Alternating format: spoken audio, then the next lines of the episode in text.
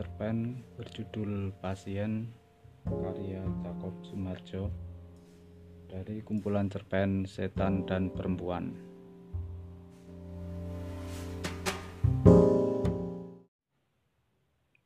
Sejak diangkat menjadi profesor, Jeng, suami saya kok kelakuannya semakin aneh. Kata Ibu Tuti kepada Ibu Dia. Aneh bagaimana, Mbak Yu? Suami saya yang profesor sudah 10 tahun biasa-biasa saja. Betul aneh, Jeng. Coba kalau makan piringnya dibalik. Jadi nasinya di punggung piring. Kan makannya jadi sedikit.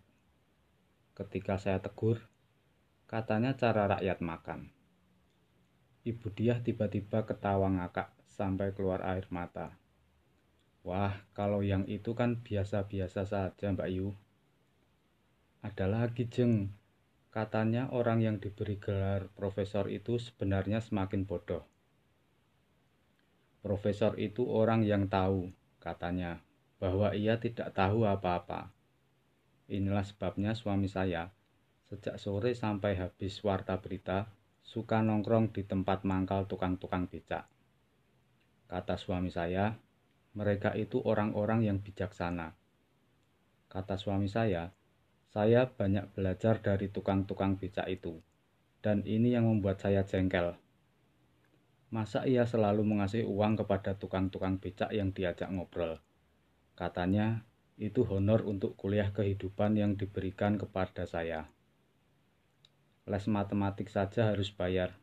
Saya juga harus bayar mereka, katanya. Tentang kesintingan Profesor Yakubias akhirnya menjadi buah bibir di kompleks perumahan dosen di daerah perbukitan itu. Ada yang mengatakan bahwa ia melihat dengan mata kepala sendiri pada suatu hari yang mendung, profesor kita itu pergi ke kampus dengan berpayung. Tetapi anehnya, ketika pulang mengajar, dalam hujan yang amat lebat, justru dia mengempit lipatan payung itu di ketiaknya. Ada lagi yang bercerita, disertai dengan sumpah segala, bahwa bersama banyak saksi hidup, ia melihat Profesor Yakubias mengencingi ban mobil Volvo terbaru milik dekan fakultas. Katanya mekanisme pembuangan manusia tidak boleh ditahan lama-lama. Begitu terasa mendesak, di situ juga harus disalurkan, biarpun di samping mobil bapak dekan. Yang paling populer adalah cerita ini. Pada suatu kuliah umum, profesor kita yang masih baru ini membawa seorang pengemis lelaki tua untuk menggantikannya memberi kuliah. Tentu saja ratusan mahasiswa di aula itu ribut. Banyak yang tertawa dan lebih banyak yang melontarkan kata-kata tak senonoh kepada pengemis tua itu. Profesor Yakubias marah besar Badannya yang tinggi besar dan agak tambun itu gemetar di belakang mimbar. Sambil berteriak lantang dalam nada baritonnya, ia meminta agar mahasiswa diam. Jangan melihat penampilan luar, dengarkanlah pikiran dan hati nuraninya.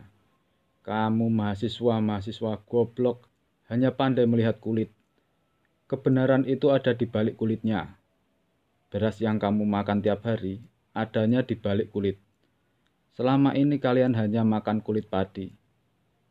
Saya heran, mengapa perut kalian masih bisa tahan? Sekarang, lihat dosen tamu kita yang terhormat. Ini Bapak Tamrin yang saya bawa dari perempatan Jalan Marta Dinata, Ahmad Yani. Silahkan Pak Tamrin, ceritakan sejak awal bagaimana Bapak sekarang bekerja membanting tulang di perempatan jalan itu dalam panas teriknya matahari, dan kepulan debu serta asap kendaraan beracun itu. Silahkan Pak Tamrin, ceritalah seolah-olah manusia-manusia di depan Bapak ini tidak ada. Anggap saja mereka ini kambing-kambing. Kuliah umum pengemis Tamrin itu di luar dugaan berlangsung dua jam penuh. Dua botol aqua dan sekotak bungkus kue toko lili habis dilahap Pak Tamrin. Ia bicara dalam bahasa Indonesia bercampur bahasa Jawa Cirebon atau Banyumas. Gaya berceritanya dan nada bicaranya membuat banyak mahasiswa tertawa. Ternyata Pak Tamrin sama sekali tidak malu dan tidak gugup. Ia bercerita lancar sambil mencaplok kue dan sebentar-sebentar minum aqua. Benar-benar dinikmatinya. Seolah-olah ratusan mahasiswa itu benar-benar kambing. Di akhir kuliah Profesor Yakubias memberikan amplop honor kepada dosen tamunya itu. Dan kepada para mahasiswanya, ia meminta agar segera ke perpustakaan mencari rujukan teori-teori sosial, teori Max Weber, Karl Marx, Gramsci, dan Emily Durkheim untuk membahas kuliah umum yang istimewa hari itu. Kontroversi opini tentang kesintingan Profesor Yakubias menjadi topik panas di Fakultas Ilmu-Ilmu Sosial itu, terutama dekan fakultas amat gencar melakukan serangan terhadap ketidakberesan profesornya yang baru itu. Orang ini harus dibawa ke dokter jiwa atau dokter saraf, kata dekan. Ah, itu gara-gara mobil barunya dikencingi saja. Pak Yakubias ini sebenarnya jenius. Kita sulit membedakan mana yang sebenarnya sakit jiwa. Jenius dan orang gila itu batasnya tipis betul. Freud bilang, orang gila itu pemimpi panjang. Orang jenius itu juga pemimpi hanya lebih sadar dengan mimpinya. Padahal mimpi itu gila pendek semalam, kata seorang dosen muda lulusan S2. Apa pun hasil kontroversi itu, akhirnya Ibu Tuti, istri profesor kita itu, dapat dibujuk dekan untuk membawa Pak Yakubias ke dokter penyakit syaraf. Bapak harus ke dokter Jos, kata Ibu Tuti. Memang kenapa? Saya tidak sakit. Loh, Bapak kan mengeluh tidak bisa tidur sebulan ini. Ibu ini bagaimana? Justru saya mengeluh kebanyakan tidur. Waktu malam saya tidak tidur, siang hari saya tidur terus. Bapak ini bagaimana? Bapak kan mengajar tiap hari. Betul. Mereka itu tak mengerti kuliah saya. Tiap masuk kelas mereka saya beri satu bab buku saya untuk dibaca. Sementara mereka memamah biak, saya tidur menelungkup di meja.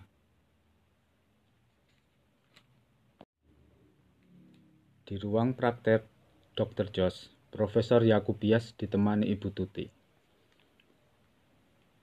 Dokter, ini suami saya. Kalau malam tak bisa tidur. Sudah berapa lama, Bu? Ada sekitar sebulan ini.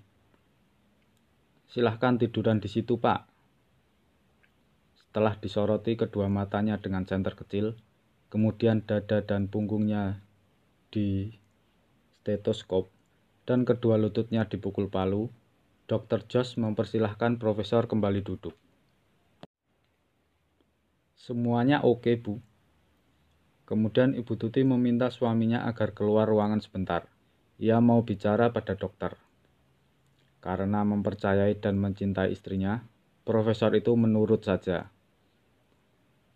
Begitu suaminya keluar ruangan, Ibu Tuti nyerocos menceritakan keanehan-keanehan tingkah laku suaminya yang membuat heboh kampus. Selesai bercerita, dengan penuh kecemasan, dokter meminta Ibu Tuti keluar ruang praktik karena ia akan berbicara berdua saja dengan suaminya. Begitu Yakubias memasuki ruangan, Dr. Josh langsung bangkit dari kursi dan menyalaminya. Suara Dr. Josh penuh gairah sukacita. Selamat, selamat atas pengangkatan sebagai profesor. Saya tidak menyangka akan bertatap muka dengan penulis yang saya kagumi selama ini. Hampir semua tulisan Bapak di koran saya clipping. Silahkan duduk, Prof. Memangnya Anda ini dokter apa? Saya dokter penyakit syaraf, Pak.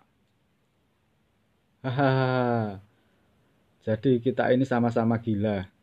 Hahaha. Hahaha. Ruang praktek dokter penyakit syaraf itu berguncang. Dunia Indonesia ini sudah terbalik 180 derajat. Supaya kita bisa hidup bersamanya, maka hidup kita juga harus dibalik 180 derajat. Apakah Anda juga sudah hidup terbalik 180 derajat selama ini? Wah, sudah lama, Prof. Kita harus ikut hidup dengan kepala di bawah, berpikir dengan dengkul seperti karya Tisna Sanjaya. Siang dijadikan malam, malam dijadikan siang. Pemimpin tidak perlu berpikir, yang di bawah berpikir keras. Yang di atas bergoyang, yang di bawah menikmati tontonan. Hahaha. Dulu kita kencing ke bawah, kini saatnya kencing ke atas. Dulu pemimpin menggurui rakyat, kini rakyat harus dijadikan guru. Dulu pasien membayar dokter, kini dokter harus membayar pasien. Hahaha. Ibu Tuti dan beberapa tamu pasien terheran-heran ketika Profesor Yakub Yas dan Dr. Syaraf Jos membuka pintu sembari berjalan dengan kepala sama-sama terbalik di bawah. Hahaha. Hahaha.